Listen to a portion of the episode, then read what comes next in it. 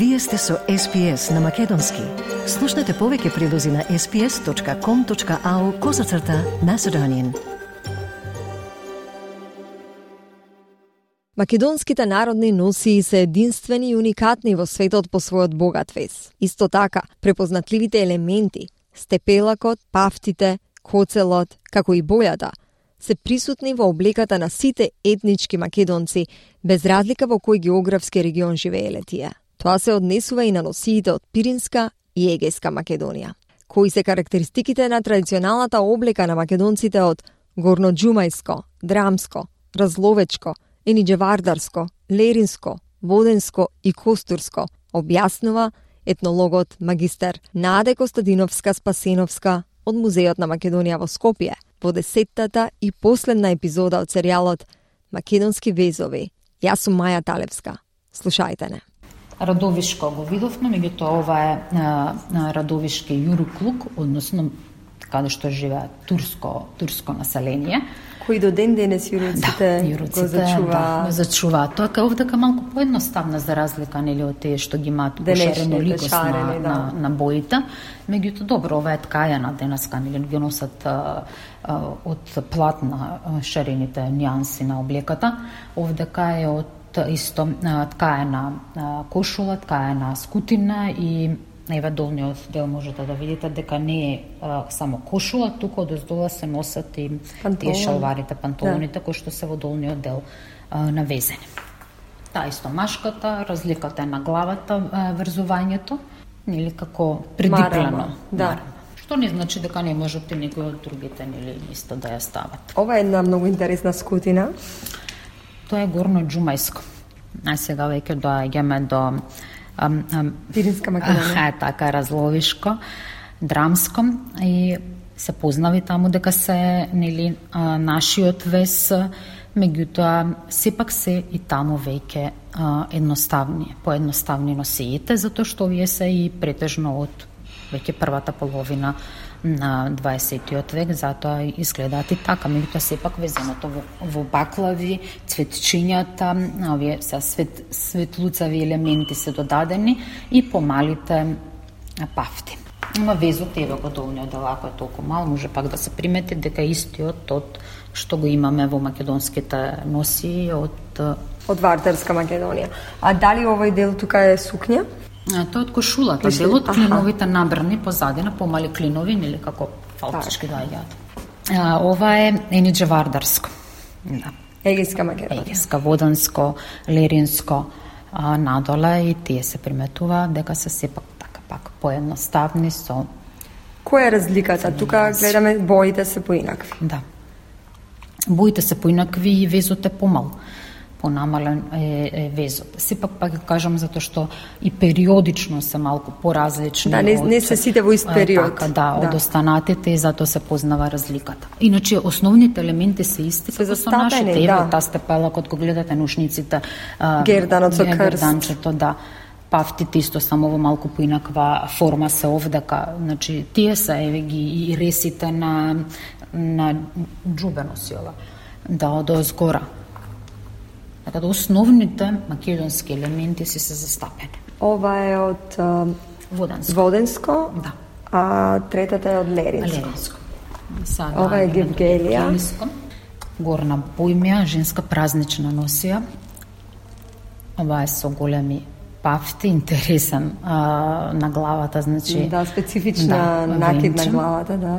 Венец со подбрадник, нели, за да го а, држи венецот. Везот е исто така со геометриски а, фигури. А, интересно е лечето, така е пократко за разлика од а, другите.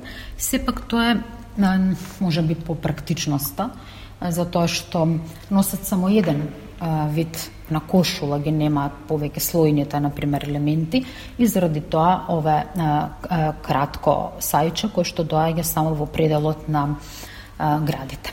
Оно што една ми... скутина, меѓутоа е богата со нели останатите елементи за да се познае дека е празнична, па и невестинска носија со оглед на елементот на главата. Оно што ми паѓа во очи е дека кошулата е шарена тука. Па да, Е, се разликува од другите, Од другите кои се бели, да. И ова е исто гевгелеска, само другиот Дел? дел, мегленско. Да. И поразлична е, за разлика од таа носија.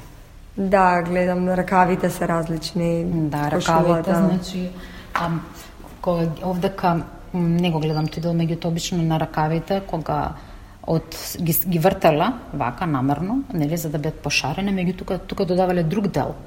Дали е само сошиен или пак навезен и тука за нели да изгледа а, побогато. Значи немаме сознание колку време им требало да изработат Не, не, се, се ова различно. Прашање е каква, истражувам. така? Да, да. Е, скоро прашав и за килиме, само за еден обичен килим, па не знаат, дека зависи, нели имате други обврски кои што не можат цел ден да седат и да, Да, и да верувам работат дека поќе во зима го правеле ова, Па во да, лето биле на да, поле. да. И требало неколку години, неколку Овде зими. каде меркаписко, меѓутоа тие се тука се ракачаните, така да таа е пребогата, меѓутоа Со крстеви, тоа е многу богат. Многу интересна е ова. шарена. Имате ли вие, како многу е можеби ова специфично прашање, ама имате ли омилена? Кој ова регион ви е омилен? Па, да Не е кажам, многу тешко да се немам, каже. Да, сите, сите се, се преубави. Е така може поблизу Скопскиот ради место поради местото на живење, меѓутоа сите се специфични и сите се се преубави. Рана овдака се и на националностите прикажани по една носија, значи овие се а, ромите, Така. од Скопско, ромите, албанската носија е тука. И овдека доаѓа а, значи полок, носиите од Полошката е многу убава. полошката носија. Еве овдека е застапен црниот вес, меѓутоа многу поразличен од тој во Скопска Црна Гора. Полошката, ова е од а, Мавровско а, поле. Ова е Мавровско, ова е Галичка, така? А, па, Галича, а мијаци мислам, мијачка нега. Мијачката таму подолго ќе ја видиме. Кај Ова се свадбата. многу раскошни. Таму е прикажана со целото, ова е, да. Ова е изгледа многу раскошно самиот Тетовска. а, македонска е? Македонска, да. Македонска носи ова. Само што има а, исто тука ле, леденик на глава на на градите и а, таа степела ка горе, а паричките се спуштаат во редови од горниот дел од главата. Значи прво се се ставаат тие, се врзуваат по долниот дел, под, под главата кај вратот и од озгора се става таа степела, ќе мараме од другата страна, еве ги исто реските како во вид на коцел, меѓутоа овдека се во различни нијанси од волна исто така направени. Ето што се убави чарапите, например. Да. во цветови. Косата исто така, чешлањето на косата било различно за девојче, за невеста, значи посам тоа. А, Што била разликата? Разли... Предходно биле две плетенчиња, па потоа кога станува невеста, значи а, пред да стане не- во моминство, носела две плетенки, значи тоа пок- покажувало дека е слободна жена подоцна, кога за време на свадбата нели во а, а, зрелото доба носи една една плетенка. Во плетенката на време на свадбата се закачува тој а, што го викаме ам, Коца. коцалче. А меѓутоа овдека е во помали ете ги плетенчиња што може да биде од природна коса.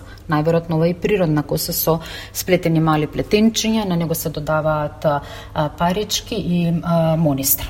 Марама да изгледа многу прекрасна. Да. Тука, како ако е едноставна, меѓутоа нежна, да, и прекрасна а, марама.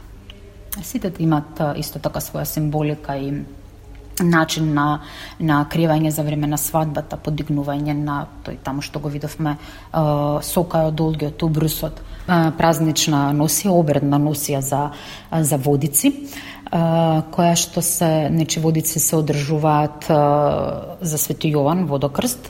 Вториот ден од води, од водици се женски водици каде што сите на девојки кои што моми стасани за мажење се обликуваат празнично и одат по селата и пеат водичарски песни, односно на секого во домакинството му посакуваат добро берикет, зависи ако нема невеста да добијат, ако нема деца да добијат за добитокот и така натака. Прекрасни се сите тие обичаи овдака е невестата која што се го невестата девојката која што пред свадбата нели вее и го спрема невестинското го доспремува невестинското руво. Чеизот. Чеис. Тоа е галичката свадба. Стиснете, ми се допаѓа, споделете, коментирајте. Следете ја SPS на Македонски на Facebook.